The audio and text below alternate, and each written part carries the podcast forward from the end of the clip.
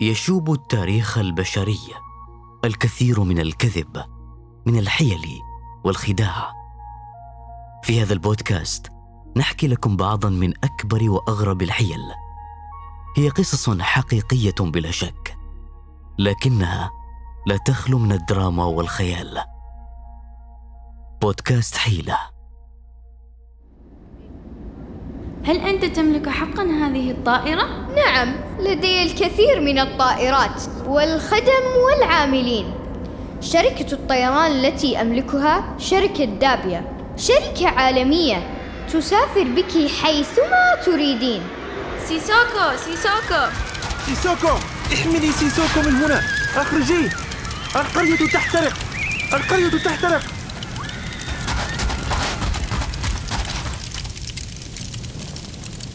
هل تؤمن بالسحر؟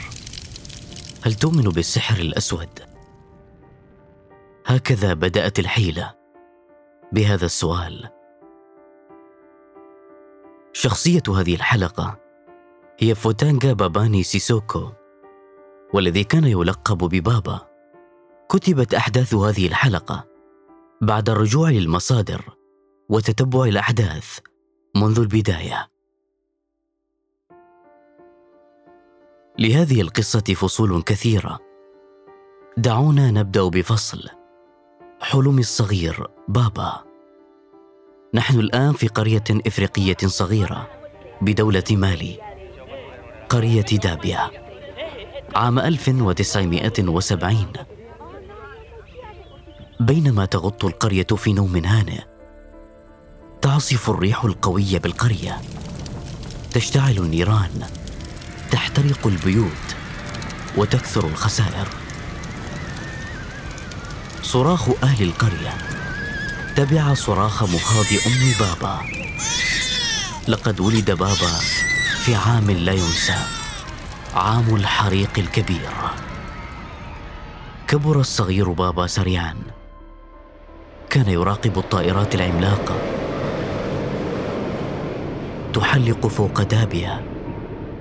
دابيا المعتقة برائحة الفقر وثراء المعاناة فصائل مسلحة وفوضى وشعوذة.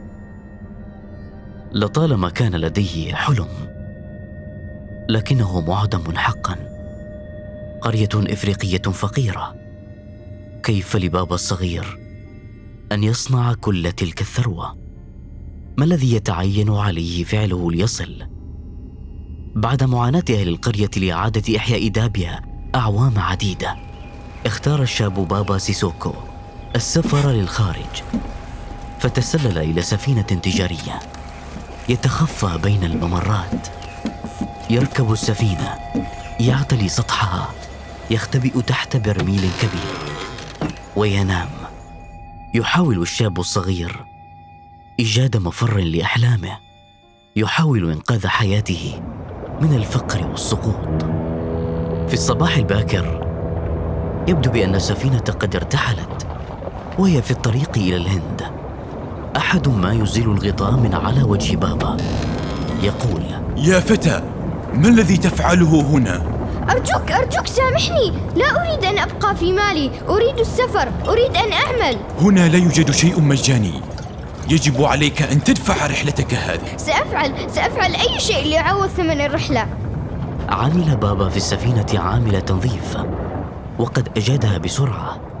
فقد كان ذكيا وسريع التعلم وبحسب أقوال غير مؤكدة أنه عمل في النحاس والذهب عندما كان يعيش في الهند. تحط أقدامه على أرض مالي من جديد بعد أن بلغ خمسة عشر عاماً. لقد عاد من الهند لمساعدة قريته على البقاء. كان يحب أهل القرية. يحب أن يرى دابيا قرية متقدمة. لكنه محبط لأنه لم يحقق حلمها بعد. سوق في دولة مالي. يقعد الشاب الصغير قبالة أحد الباعة ويتأمل السوق. نور الشمس الباردة يلاطم نصف خده الأيمن. ظل يغطي وجهه فجأة. ينظر للأعلى. فإذا بها امرأة رسم الدهر ملامح كثيرة في وجهها. تقول ماذا بك أيها الشاب؟ تبدو شاحبا. لا شيء. إني على علم تام بمرادك وليس لك إلا حل واحد. ما الذي تعرفينه؟ أعرف أنك تريد الطيران. أعرف حقيقة حلمك. حلمي؟ كيف عرفتي كل هذا؟ إجابة سؤالك هذا هي دليل حلمك. إنه السحر الأسود يا بني. السحر. منذ كنت صغيرا كنت أرى السحرة وأسمع عنهم. لكنني لم أفطن بعد لحقيقة كل هذا. لقد سافرت مبكرا للعمل. هل يمكن للسحر الأسود أن يجعلني ثريا مثلا؟ يمكن للسحر أن يلبي كل أحلامك شريطة أن تفي مطالبه. سأجيب أي مطلب. أخبريني.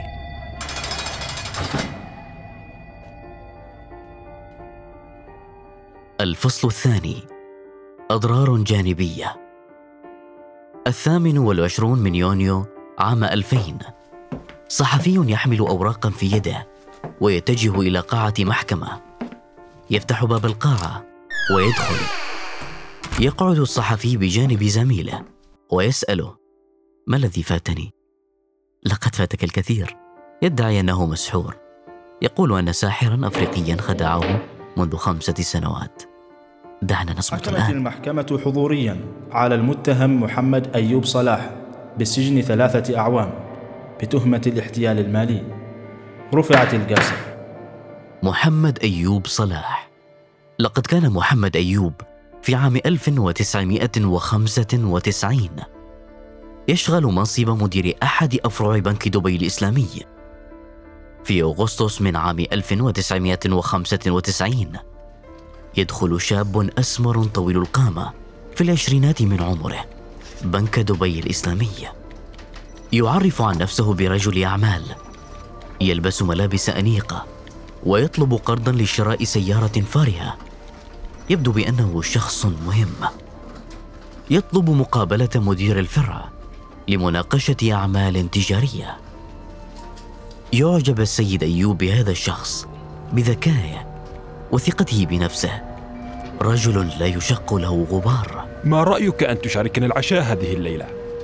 وأعلم أنك لن ترد دعوتي أليس كذلك؟ كيف يمكن أن أردك خائبا سيد بابا؟ بالتأكيد تسعدني زيارتك قبل أيوب دعوة العشاء تقابلا في أحد المطاعم تبادلا أطراف الحديث أيوب يسأل أتسمح لي بسؤال؟ من أين لك هذا؟ أو بالأحرى في ماذا تعمل بالضبط؟ هل تريدني أن أخبرك الحقيقة؟ أما يجب أن أقوله لك؟ بالتأكيد الحقيقة. إنني أستخدم السحر. هل تؤمن بالسحر؟ بالسحر الأسود. بالسحر؟ سيد سيسوكو هذا الموضوع لا مزاح فيه. وعلى أي حال فأنا لا أؤمن بالسحر. ستصدقه. تعال معي إلى المنزل. سأريك بنفسي. سأريك السحر الأسود. تحركا من المطعم. تبع أيوب بابا إلى منزله. دخل بابا أولا ثم دعا أيوب للدخول. كان المنزل مظلما.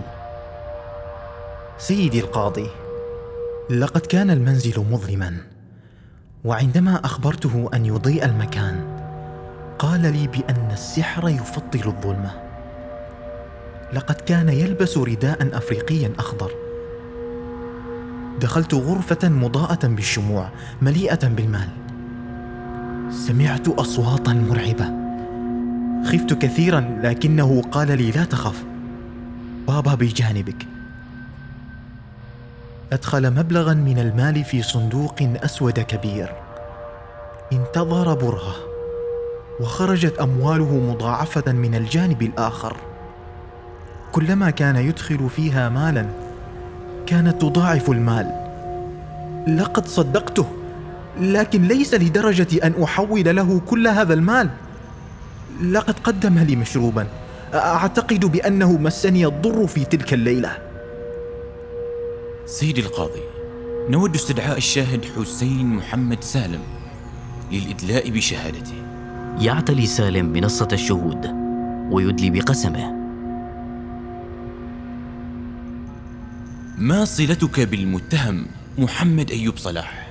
لقد كنت مدير فرع أبو ظبي لبنك دبي الإسلامي وكان محمد أيوب مدير فرع دبي كما كنت أعمل في اللجنة المالية للبنك أخبرنا ما الذي تعرفه عن القضية؟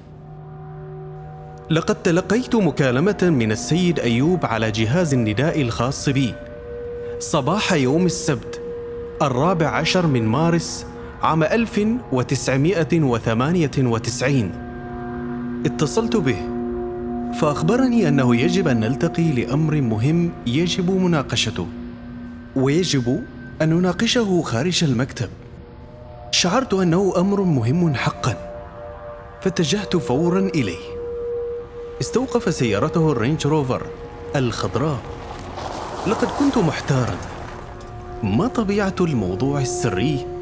الذي يريدني فيه أيوب.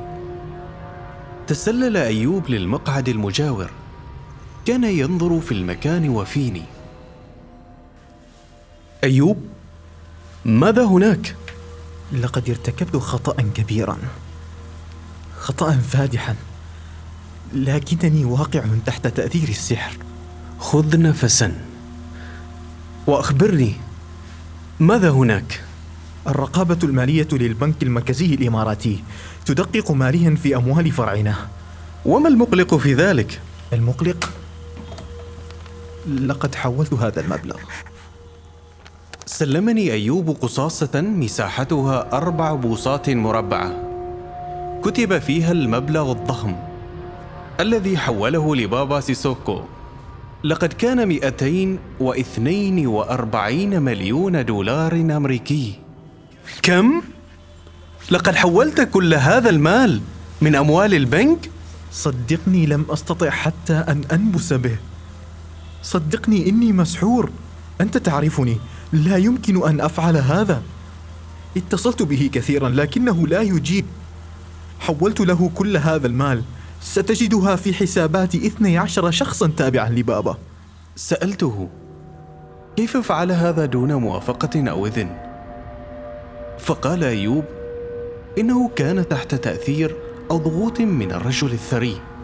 تظهر سجلات الهاتف الخاصة بالبنك. أنه بمجرد أن بدأ المدققون الحكوميون مراجعتهم اتصل أيوب برقم هاتف الرجل في أفريقيا أكثر من 150 مرة على مدار عدة أيام. عندما افترقنا ذهبت لأقابل صاحب البنك. سعيد بن أحمد لوتاه وأخبرته بالمشكلة. شكرا لك. لا مزيد من الأسئلة. يبدو لكم جليا يا سيادة القاضي أن السيد أيوب قد حاول الاحتيال على بنك دبي الإسلامي وقد كان شريكا محوريا في هذه الحادثة. نطلب من عدالتكم الحكم بأقصى عقوبة ممكنة. الفصل الثالث. حياة أمريكا. عام 1995 نيويورك الأمريكية. سيتي بانك. تعد موظفة البنك منى سيلرز. أموال بابا. وتنظر إليه مليا. نظرات إعجاب واستغراب. يقعد بابا أمام موظفة البنك. ويسألها. السيدة سيرلز هل أنت مرتبطة هذا المساء؟ أريد أن أدعوك على العشاء. فماذا قلت؟ توافق الشابة الأمريكية الخروج مع المليونير الشاب بابا سيسوكو الذي تزوج عدة مرات. يتزوج مجددا. يتزوج لأجل إكمال حيلته. استطاع بابا بعد فترة وجيزة من فتح حسابه في سيتي بانك في عام 1995 بعد أن تزوج من سيليرز. وبمساعدة امرأة أخرى في البنك تمكن من غسيل الأموال المسروقة من دبي. الفصل الرابع. شاهدة على المحتال. إيفا أداميك. مهاجرة بولندية تبلغ من العمر الآن سبعين عاما. تقول عندما التقيت سيسوكو أول مرة عام 1995 ظننته نوعا من الآلهة. لقد كنت أعمل عاملة منازل. وزوجي ريني مدرسا لتعليم القيادة من جمهورية الكونغو. ولكنه كان يبحث عن فرصة عمل في مجال الطيران. عرفنا صديق أفريقي لبابا. واقترح على زوجي ريني السفر إلى أفريقيا للقاء بسيسوكو. الذي لم يعرض عليه وظيفة فحسب بل قدم له عقدا ذهبيا ومجوهرات أخرى كهدايا لي. عاد زوجي إلى نيويورك مترفا. اعتقدت أن صلاتي قد استجيبت. في نوفمبر عام 1995 سافر سيسوكو إلى نيويورك. ذهبنا لاستقباله. كنت أقود سيارة نيسان قديمة. وعندما اصطحبت بابا من المطار إلى فندق فور سيزون رأيت أنه لا يحب سيارتي وإنه لم يكن مرتاحا للغاية. بعد أن وصلنا إلى الفندق غادر مع ريني لبضع ساعات. وعندما عادوا أعطاني بابا مفاتيح سيارة جديدة. خرج واشترى لي سيارة. لم أصدق ذلك. ظننت أن الله قد نزل من السماء وباركني. في حاشية سوسوكو الجوالة والتي غالبا ما تضم شقيقه وواحدة أو اثنتين من زوجاته الأربع والعديد من وكلاء الأعمال والموسيقيين والحراس الشخصيين والسائقين وحاشية من الممرضات. بدا أن لكل شخص دور يلعبه. بما في ذلك أنا أمضى سيسوكو أربعة أشهر في نيويورك قبل أن يعود إلى أفريقيا في مارس عام 1996 وأثناء وجوده في مطار جون كينيدي سلم سيسوكو لوكيل تذاكر طيران شيكا بقيمة عشرة ألاف دولار. لقد صدمت. بدأ بعد ذلك في تسليم الشيكات بمبالغ مختلفة للغرباء أثناء انتظاره على متن الطائرة. أنهى دفتري شيكات بهذه الطريقة. الفصل الخامس. أمسكنا به ولكن. سويسرا. جنيف. عاصمة المال. عام 1996 اتصال عبر القارات من دبي إلى جنيف. مساعد بابا. يقول سيد بابا ما زال أيوب يتصل. هل أرد عليه؟ أيوب؟ انسى أمره. أريدك أن تذهب إلى ميامي وتنهي موضوع الطائرتين. أرسل بابا مساعده إلى ميامي لشراء طائرتين من حرب فيتنام. اتفق مع الجمارك الأمريكية أن يشتري الطائرتين. فبعد أن اشترى بابا طائرتي بيونغ عملاقة ضمن خطته لشراء عدد من الطائرات لحلم حياته. شركة طيران دابيا. أراد أن يوسع سرب الطائرات بطائرتين هيلوكابتر. موظف الجمارك يقول نعتذر لك. لا يمكن أن نبيع لك الطائرتين. فكما تعلم هاتين طائرتين حربيتين. والسلطات الأمريكية تمنع بيع الطائرات الحربية لأعمال غير معروفة. سيغضب سيد بابا كثيرا. وأنت تعلم أننا لا نريد غضابه. هل يمكن للسيد بابا أن يقدم هدية لموظفي الجمارك؟ أعتقد أن خمسين ألف دولار مبلغا جيدا. نعم نعم. نسيت ذلك. أرسل بابا فعلا هدية معنا. مطار جنيف عام 1996 يتجه بابا ووفده إلى طائرته. تتبعهم سيارات الشرطة الفيدرالية. توقف بابا من على بعد خطوة واحدة من طائرته. وصل بابا سيسوكو إلى ميامي. في نوفمبر 1996 مكبل اليدين. بعد اعتقاله لمحاولته رشوة موظف جمارك كان يعطل تسليم طائرتين هيلوكوبتر من ميامي إلى دولة غامبيا الإفريقية الصغيرة. يسأل قاضي المحكمة الجزائية مايكل مور سيسوكو هل أنت مذنب في التهم المنسوبة إليك؟ نعم. نعم مذنب سيادة القاضي. ومستعد لدفع مبلغ الكفالة. ويتبعه بسؤال عن استعداده لدفع عشرين مليون دولار أمريكي للكفالة. فيقول بالتأكيد بكل رحابة صدر. تم الإفراج عن بابا سيسوكو بكفالة أمضى 43 يوما في السجن وعدة أسابيع رهن الإقامة الجبرية. لم يكن إنفاقه أقل من ذلك عندما وصل إلى ميامي. مقيد اليدين بعد ثمانية أشهر تقريباً. بدأ سيسوكو في وضع خطط لتسليمه المحتوم إلى جنوب فلوريدا. تم حجز الأجنحة الفندقية وشراء السيارات واستكمال ترتيبات السكن. وفقا لمحامي استأجر سيسوكو عشر شقق في الطابق السادس والعشرين مقابل ما يقرب من خمسين ألف دولار شهرياً. كما اشترى خمس وحدات سكنية مقابل ما يتراوح بين مليونين وثلاثة ملايين دولار. كلا المشروعين في جزيرة الأثرياء بريكل كي. لم يسمح لسيسوكو بمغادرة المقاطعة.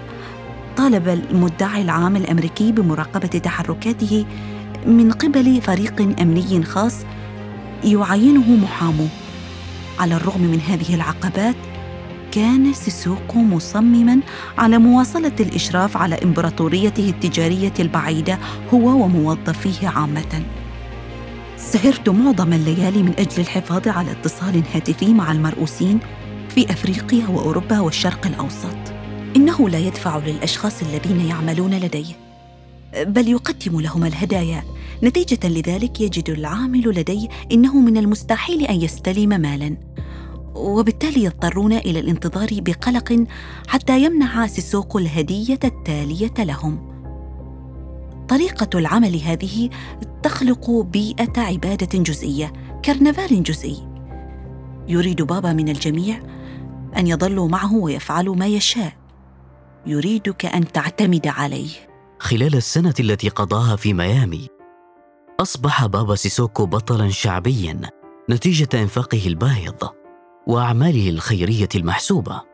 اشترى عشرات السيارات الفاخرة. أعطى 300 ألف دولار لمدرسة في ميامي.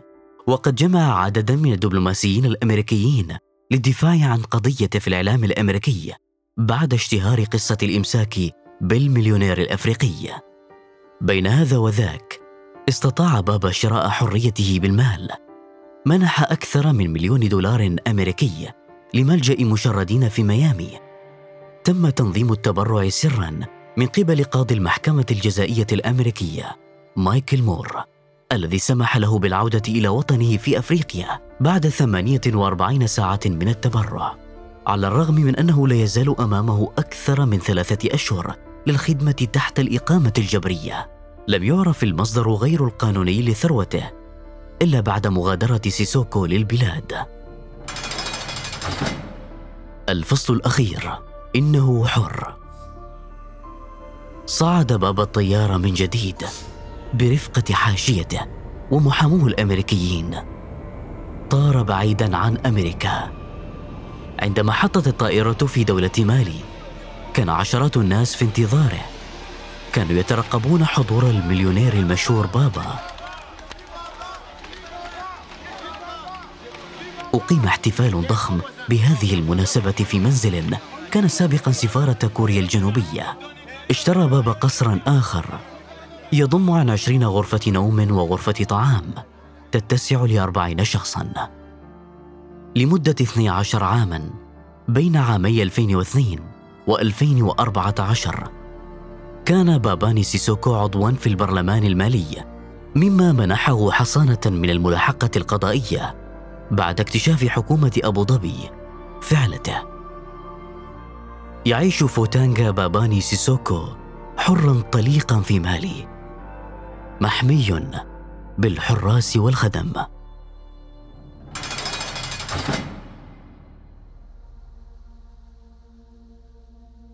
يشوب التاريخ البشري الكثير من الكذب من الحيل والخداع. في هذا البودكاست نحكي لكم بعضا من أكبر وأغرب الحيل.